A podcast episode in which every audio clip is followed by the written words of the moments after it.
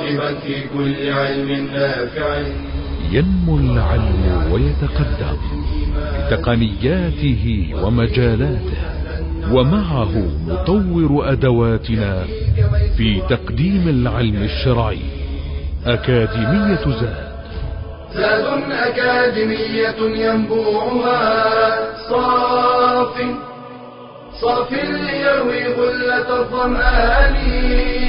هذه عقيدتنا الصحيحة فطرة تنفي الشكوك بواضح البرهان. بشرى لنا ذات أكاديمية للعلم كالأزهار في البستان. الحمد لله والصلاة والسلام على رسول الله وعلى آله وصحبه من اهتدى بهداه. أرحب بالإخوة والأخوات المشاهدين والمشاهدات في مستهل هذه المحاضرة. ونستكمل ما بدأناه في الحديث عن بيان منزلة علم التوحيد أو منزلة التوحيد في العقيدة وكنا ذكرنا مجموعة من النقاط الدالة على أهمية العقيدة ومنزلتها في دين الله سبحانه وتعالى وكنا قد انتهينا إلى العنصر السادس وهو أنه سبب للتمكين والاستخلاف في الأرض. النقطة السابعة وهي امتداد لهذه النقطة لكنها من وجه آخر وهي أن التوحيد هو سبب الأمن والاهتداء في الدنيا والآخرة. والدليل على ذلك ما ورد في قول الله عز وجل الذين آمنوا ولم يلبسوا إيمانهم بظلم أولئك لهم الأمن وهم مهتدون. وهذه الآية مر الكلام فيها في فيما تقدم بالتفصيل وعن سبب نزولها واستشكال الصحابة رضي الله تعالى عليهم هذه الآية أول ما نزلت وقالوا يا رسول الله وأينا لم يظلم نفسه؟ قال إنه ليس بظلم الذي تذهبون إليه ألم تقرأوا وتسمعوا قول لقمان آه، لابنه يا بني لا تشرك بالله إن الشرك لظلم عظيم. فهذه الآية إنما هي في أن الظلم المذكور في هذه الآية بمعنى الشرك ولهذا قال الله عز وجل الذين آمنوا ولم يلبسوا لم يخلطوا إيمانهم بظلم أي بشرك ما هو آه، أجرهم ما هي النتيجة. أولئك لهم الأمن وهم مهتدون. فبقدر تحقيق الإيمان وسلامته من أي شائبة من شوائب الشرك يكون الأمن والاهتداء. هذا وعد الله عز وجل. والله لا يخلف الميعاد. الأمن والاهتداء. الأمن في الدنيا والآخرة والاهتداء في الدنيا والآخرة.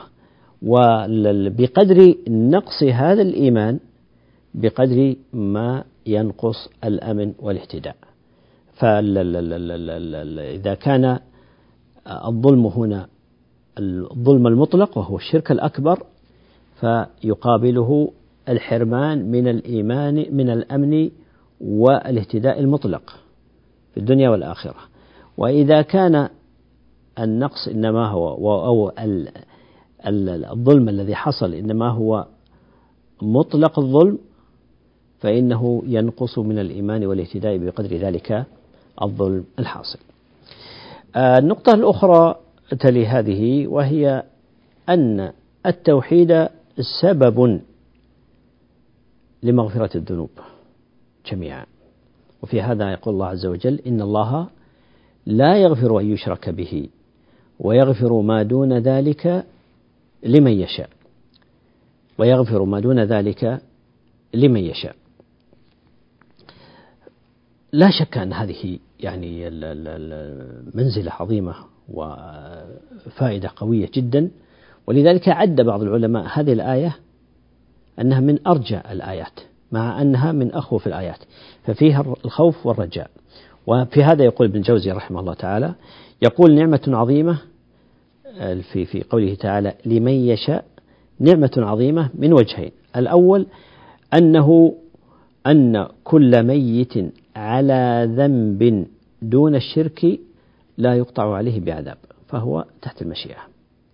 والأمر الثاني أن تعليقه بالمشيئة فيه نفع للمسلمين وهو أن يكون العبد على خوف وطمع.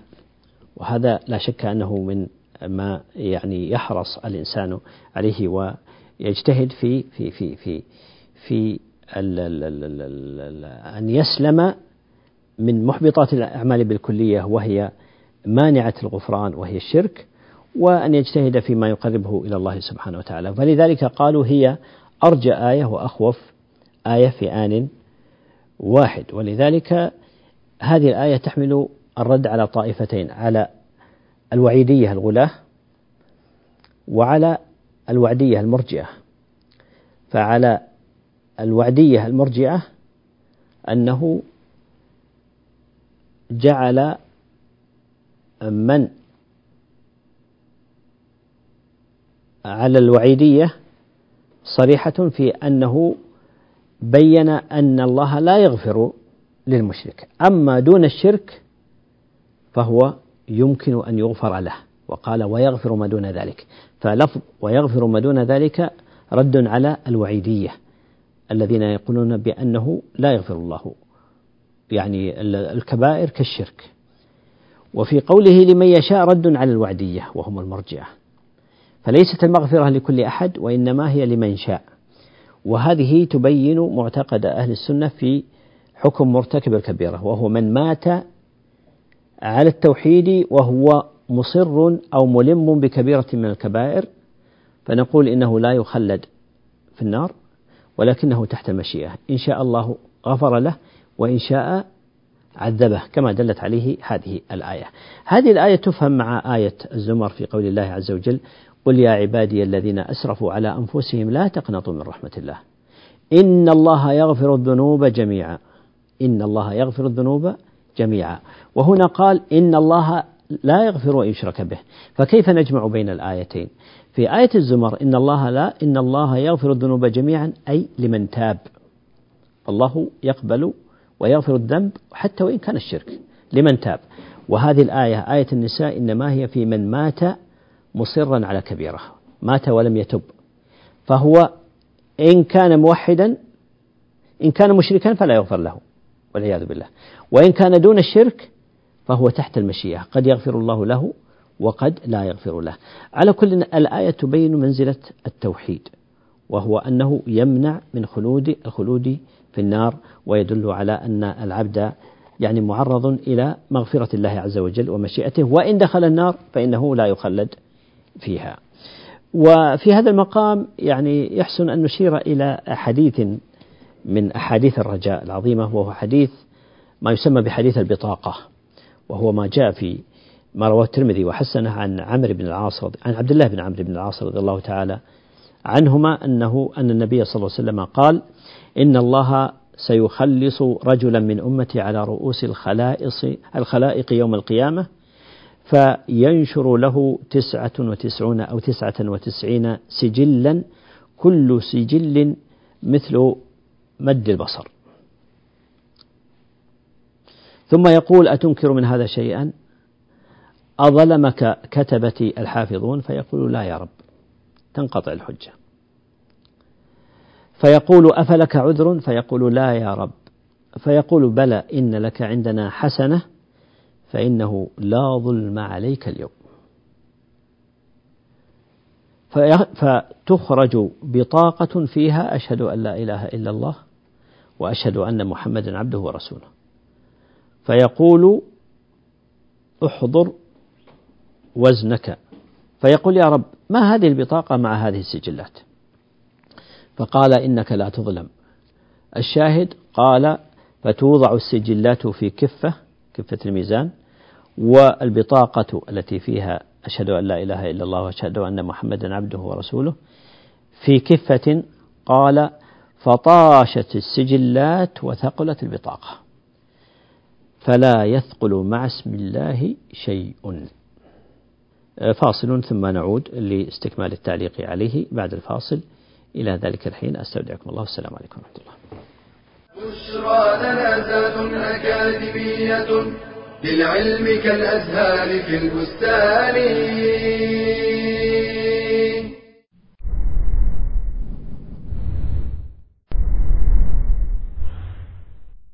عماد الدين ثاني أركان الإسلام ومبانيه العظام.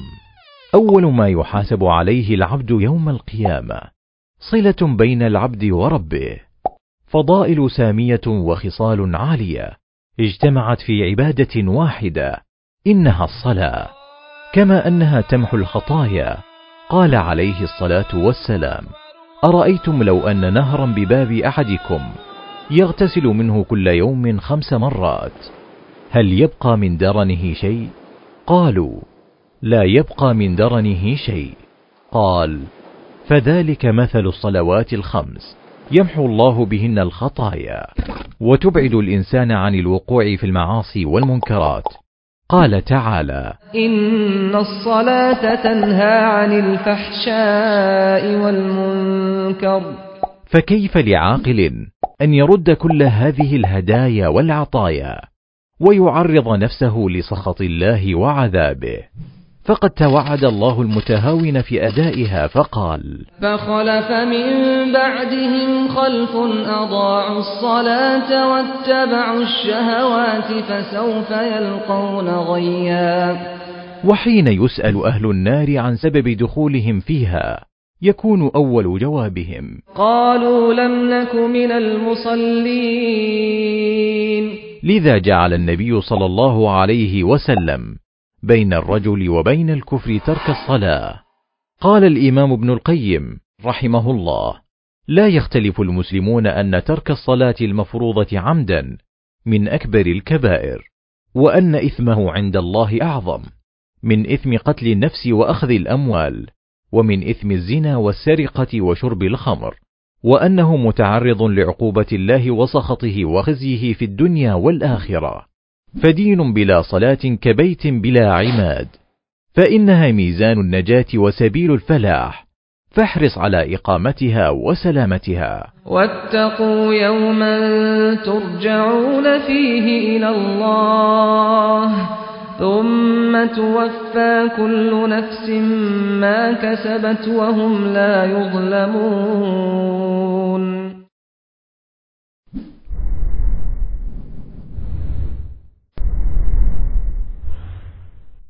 بشرى لنا ذات أكاديمية للعلم كالأزهار في البستان.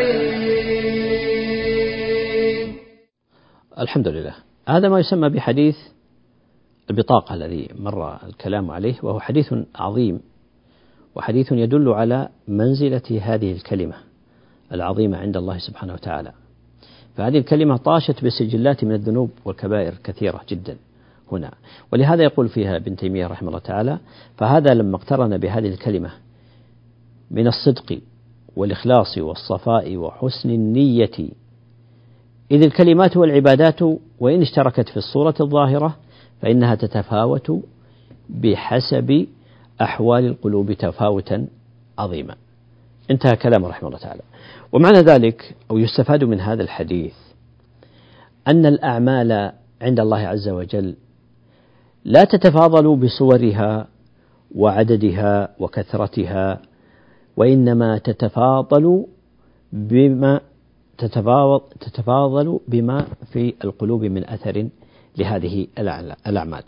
فقد تكون الصورة واحدة والعمل واحدا ولكن النتيجة والثمرة والأجر متفاوت كما بين السماء والأرض. فهنا هذه البطاقة التي طاشت بهذه السجلات صورتها أنه قال لا إله إلا الله ونحن نعلم أن هناك من يقول لا إله إلا الله وعنده هذه البطاقة لكنه يدخل النار من الموحدين. وذلك لاختلاف أثر لا إله إلا الله هذه البطاقة في القلوب. فالثمرة إنما هو أثر القلوب وما يصاحب هذه الكلمة من أثر في القلب فإذا قال بصدق وإخلاص وصفاء وحسن نية كان لها هذا الثقل وهذا الأثر.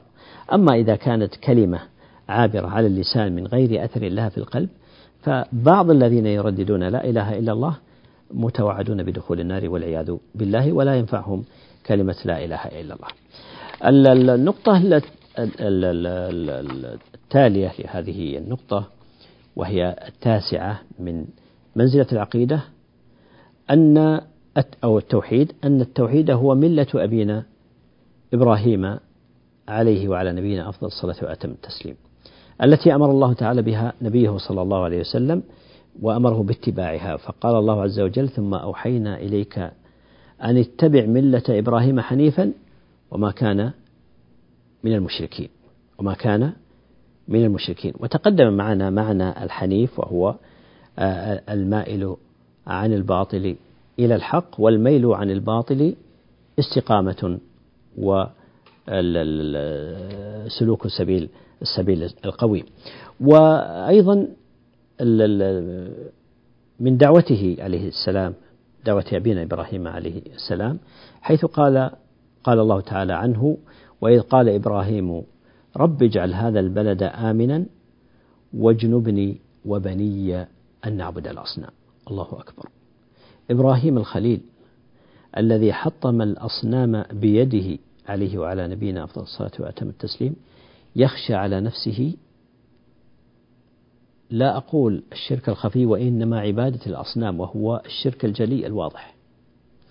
وهذا دليل على أنه يجب على المسلم أن يخشى. الوقوع في الشرك لأن الشرك منه جلي ومنه خفي وهو أعظم ذنب عصي الله سبحانه وتعالى به.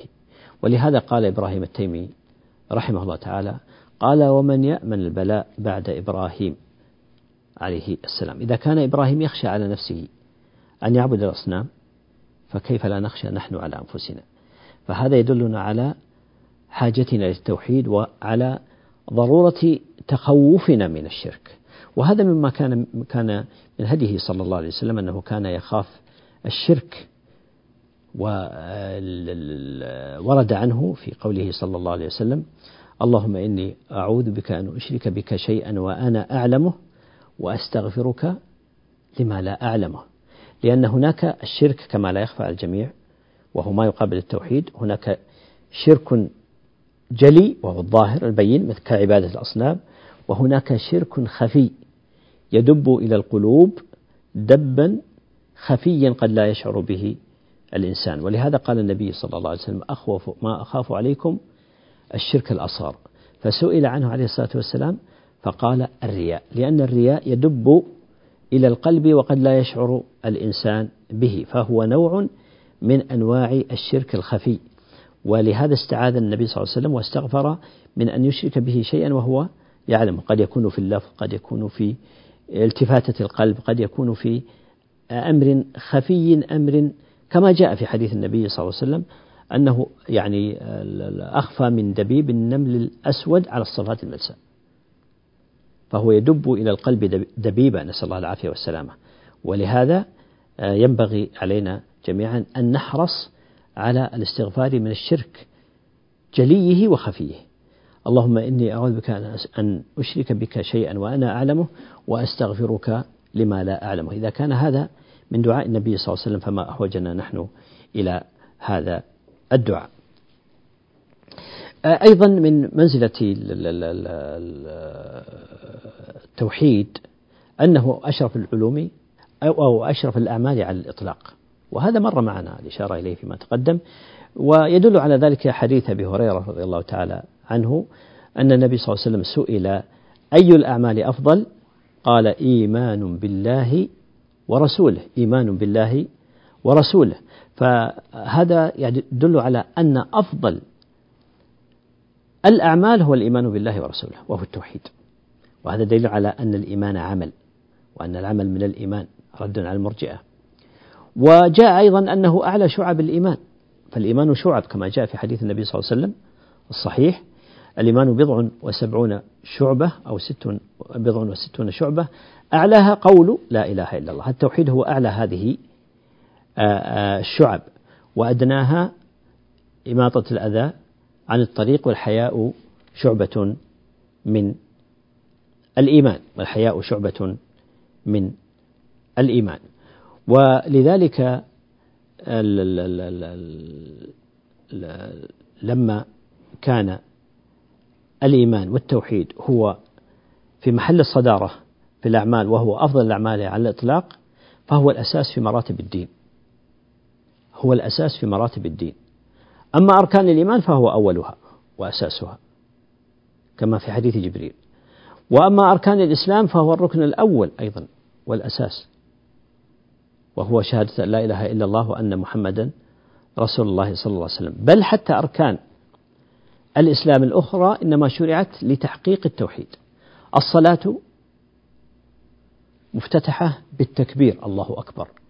ومعناه أن يعتقد الإنسان في يقين قلبه أن الله أكبر من كل شيء فلا يلتفت إلى غير الله عز وجل. قرآن الصلاة وهي أم الكتاب التي فرضها الله علينا في كل ركعة من صلاتنا. كم فيها من معاني؟ من معاني التوحيد. كلها في التوحيد. الحمد لله رب العالمين. توحيد الربوبية. الرحمن الرحيم. توحيد الأسماء والصفات. مالك يوم الدين. من الربوبية. إياك نعبد وإياك نستعين. وهي الإلهية. وهي التي قال فيها الله عز وجل هذه بيني وبين عبدي ولعبدي ما سأل.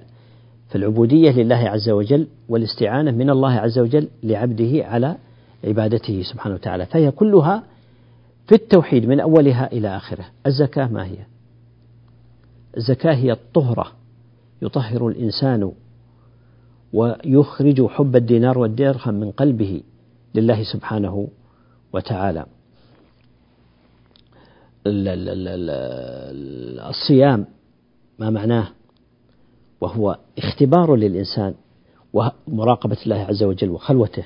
هل يعبد الله حقيقة يخشى الله عز وجل يشعر بمراقبة الله عز وجل له أو لا؟ الحج إنما شرع ابتداء قال فأهل بالتوحيد. من أوله إلى آخره في التوحيد. فكل العبادات إنما هي لتحقيق التوحيد وفي التوحيد. فاصل ثم نعود لاستكمال الفقرات التالية. إلى ذلك الحين استودعكم الله. والسلام عليكم ورحمة الله.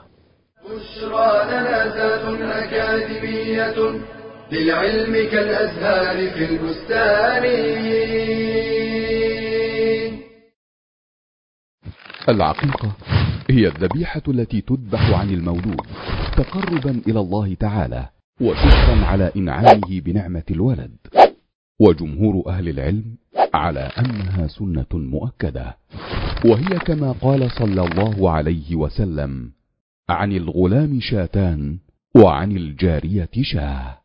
ويشترط في سنها ما يشترط في الأضحية بالضأن والمعز. فالضأن ما أتم ستة أشهر فأكثر والمعز ما أتم سنة فأكثر. ولا يباع لحمها ولا جلدها ولا شيء منها. ويتقى فيها من العيوب ما يتقى في الأضحية. العوراء البين عورها والعرجاء البين عرجها والمريضة البين مرضها والهزيلة. ووقت ذبح العقيقة يبدأ من تمام انفصال المولود فلا تصح عقيقة قبله. وتستحب العقيقة في اليوم السابع فإن تعذر فيسن ذبحها في الرابع عشر. فإن تعذر انتقلت إلى اليوم الحادي والعشرين ويوم الولادة يحسب من السبعة ولا تحسب الليلة إن ولد ليلة بل يحسب اليوم الذي يليها. قال صلى الله عليه وسلم كل غلام رهينة بعقيقته تذبح عنه يوم سابعه ويسمى فيه ويحلق رأسه والعقيقة يؤكل منها ويهدى ويتصدق. ولم يرد في ذلك تحديد فكيف ما فعل فجائز؟ ويجوز أن يخرج اللحم نيئا أو مطبوخا والطبخ أفضل فهو زيادة في الإحسان وشكر النعمة. بشرى لنا أكاديمية للعلم كالأزهار في البستان. السلام عليكم ورحمة الله وبركاته. نستكمل الحديث في منزلة التوحيد وكنا شرعنا في الكلام في أنه أشرف الأعمال على الإطلاق ولذلك تصدر جميع ما أمر الله سبحانه وتعالى به. بل افتتح الله تعالى به القرآن؟ الحمد لله رب العالمين. وختم به القرآن. قل أعوذ برب الناس. وأول أمر في القرآن إنما هو بالتوحيد وخاصة توحيد العبادة. في قول الله عز وجل يا أيها الناس اعبدوا ربكم الذي خلقكم والذين من قبلكم لعلكم تتقون. فأول أمر في القرآن إنما هو بتحقيق العبودية لله عز وجل. وأول نهي في القرآن إنما هو فيما يقابل التوحيد وهو قوله تعالى فلا تجعلوا لله أندادا وأنتم تعلمون وأنتم تعلمون. فهذا أول نهي في القرآن دل على أهمية التوحيد وخطورة ما يقابله أو ما يناقضه. ويدل على ذلك أيضا أن القرآن أصلا جميع في التوحيد وهذه سيأتي لها الكلام في حينها وتفصيلها فيما سيأتي إن شاء الله. آه، صدر الله تعالى به وهو النهي عن الشرك الوصايا العشر التي ذكرها الله عز وجل في سورة آه، الأنعام. وفي قول الله عز وجل قل تعالوا أتلوا ما حرم ربكم عليكم ألا تشركوا به شيئا. ف وبالوالدين إحسانا. فصدر هذه الوصايا بالنهي عن الشرك. دليل على خطورة الشرك. وهذه الآيات ورد كما جاء في عن ابن مسعود رضي الله تعالى عنه أنه قال من آه، أراد أن يقرأ وصية محمد صلى الله عليه وسلم التي عليها خاتمه فليقرأ قوله تعالى العشر آيات من سورة آل عمران قل تعالوا أتلوا ما حرم ربكم عليكم ألا تشركوا به شيئا. وهذه الوصايا من المحكمات وهي في جميع الشرائع كما جاء في بعض الآثار. ومما يدل على منزلة التوحيد خطورة ما يقابله فكما أن التوحيد هو أفضل الأعمال فالشرك وهو ما يقابل التوحيد هو أعظم الذنوب وهو أعظم ذنب عصي الله سبحانه وتعالى به على الإطلاق. وقد سئل النبي صلى الله عليه وسلم أي الذنب أعظم؟ فقال أن تجعل لله ندا وهو خلقك سبحانه وتعالى. وهذا يدل على خطورة الأمر. يدل على هذه المنزلة أيضا أنه الميثاق الذي أخذه الله تعالى على بني آدم. ألم أعهد إليكم يا بني آدم ألا تعبدوا الشيطان؟ إنه لكم عدو مبين. وأن اعبدوني هذا صراط مستقيم. وقال تعالى عن بني إسرائيل وإذا أخذنا ميثاق بني إسرائيل ألا تعبدوا إلا الله. وبالوالدين إحسانا. والنصوص في هذا المعنى كثيرة. من منزلة التوحيد وهي النقطة الأخيرة وهي كثيرة جدا لكن نكتفي بما هو مذكور هنا أن التوحيد شرط لدخول الجنة. ودل على ذلك الآية السابقة التي أشرنا إليها إن الله لا يغفر أن يشرك به. فالتوحيد شرط لدخول الجنة فلا يدخل الجنة إلا الموحد. قال تعالى ومن عمل صالحا من ذكر أو أنثى وهو مؤمن هذا هو الشرط. فأولئك يدخلون الجنة يرزقون فيها بغير حساب. نسأل الله الكريم من فضله. وفي الآيات التي مرت معنا ما يدل على ذلك. في قوله تعالى ومن يعمل من الصالحات من ذكر أو أنثى وهو مؤمن فأولئك يدخلون الجنة ولا يظلمون نقيرا. ولا يظلمون نقيرا. ومن جاء بما يناقض التوحيد فليس له حظ في الجنة والعياذ بالله. وهذا يدل عليه الآيات التي سبقت الإشارة إليها وفي قول الله عز وجل في الآية الأخرى إنه من يشرك بالله فقد حرم الله حرم الله عليه الجنة ومأواه النار وما للظالمين من أنصار. نسأل الله العافية والسلامة. والآيات في هذا المعنى كثيرة ومر معنا الإشارة إلى شيء منها فيما تقدم. وجاء في حديث آه، عبادة بن الصامت رضي الله تعالى عنه أن النبي صلى الله عليه وسلم قال من شهد أن لا إله إلا الله وأن محمدا عبده ورسوله وأن عيسى عبد الله ورسوله وكلمته ألقاها إلى مريم وروح منه وأن الجنة حق وأن النار حق قال أدخله الله على الجنة على ما كان من العمل. أدخله الله الجنة على ما كان من العمل. معنى ذلك أن مآله إلى الجنة. نعم قد يكون عنده كبائر قد يعفو الله سبحانه وتعالى عنه بها قد تمحى بالحسنات إذا كانت من الصغائر قد آه، يعني يشفع فيه وتقبل شفاعته قد تمحى بالمصائب التي يعني آه، يلاقيها في الدنيا وقد يدخل النار بحسب كبيرته لكنه لا يخلد في النار. فمآل الموحد إلى الجنة؟ ابتداء أو مآلا. نسأل الله أن يعيذنا من النار وأن يدخلنا الجنة بمنه وفضله وكرمه. والنصوص في هذا المعنى كثيرة تدل على هذا المعنى وهو اشتراط التوحيد في دخول الجنة. فلا يدخل الجنة إلا الموحد. إن الله لا يغفر أن يشرك به. إنه من يشرك بالله فقد حرم الله عليه الجنة. ولقد أوحي إليك وإلى الذين من قبلك لئن أشركت ليحبطن عملك. وقدمنا إلى ما عملوا من عمل فجعلناه هباء منثورا. لا تنفع الأعمال إذا لم تكن إذا لم يكن قد حقق العامل التوحيد. ولهذا لما سألت عائشة رضي الله تعالى عنها النبي صلى الله عليه وسلم عن ابن جدعان وكان محسنا من المحسنين يحسن إلى الناس ويقدم لهم يعني الطعام وغير ذلك فهذا عمل إحسان. فهل هو نافعه يوم القيامة؟ قال النبي صلى الله عليه وسلم إنه لم يقل قط رب اغفر لي خطيئتي يوم الدين. فلا ينفعه إحسانه. نعم يجازى على إحسانه بإحسان في الدنيا. أما الآخرة فما له في الآخرة من خلاق والعياذ بالله. من لم يأت بالتوحيد فلا نصيب له في الآخرة.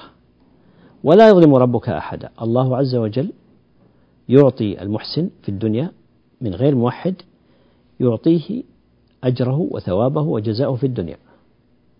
أما الآخرة فليس له فيها نصيب لأنه لم يحقق التوحيد. فهذا الشرط شرط مهم جدا وهو أنه لا يدخل الجنة إلا من حقق التوحيد. فمآل الموحد إلى الجنة نسأل الله الكريم من فضله تختلف المنازل باختلاف تحقيق التوحيد. فالناس درجات في تحقيق التوحيد ولذلك جاءت الجنة درجات على حسب توحيدهم وإيمانهم. فكلما على على الإيمان والتوحيد قلت المعاصي وارتفعت وارتفعت الدرجات في الجنة. وإذا أثقل الموحد المعاصي بضعف إيمانه وتوحيده وكثرة معاصيه قلت درجته وإن كان من الناجين عند الله عز وجل. قد يدخل النار يعذب بحسب كبائر التي آه، اقترفها والمخالفات التي وقع فيها. وقد يعفو الله سبحانه وتعالى له من أول وهلة. آه، طبعا الصغائر هذه تكفرها الحسنات كما قال الله عز وجل إن الحسنات يذهبن السيئات ذلك ذكرى للذاكرين. فالحسنات تمحو صغائر الذنوب على القول. على ما ذهب إليه جمهور العلماء. آه، أما الكبائر فلا بد لها من توبة. وهناك من أسباب موانع أو من أسباب إسقاط العقوبة أو موانع تحقق العقوبة لصاحب الكبيرة من أجلها التوحيد كما ذكرنا منها المصائب التي تصيب الإنسان في الدنيا فكلها يعني يكفر بها الذنوب. بهذا نأتي إلى ختام هذا اللقاء. إلى أن نلتقي مرة أخرى. أستودعكم الله الذي لا تضيع ودائعه. سبحانك اللهم وبحمدك. أشهد أن لا إله إلا أنت. أستغفرك وأتوب إليك. والسلام عليكم ورحمة الله وبركاته. تلك العلوم دروسها ميسورة في صرح علم الراسخ الأركان. بشرى لنا بشرى لنا بشرى لنا ذات أكاديمية للعلم كالأزهار في البستان.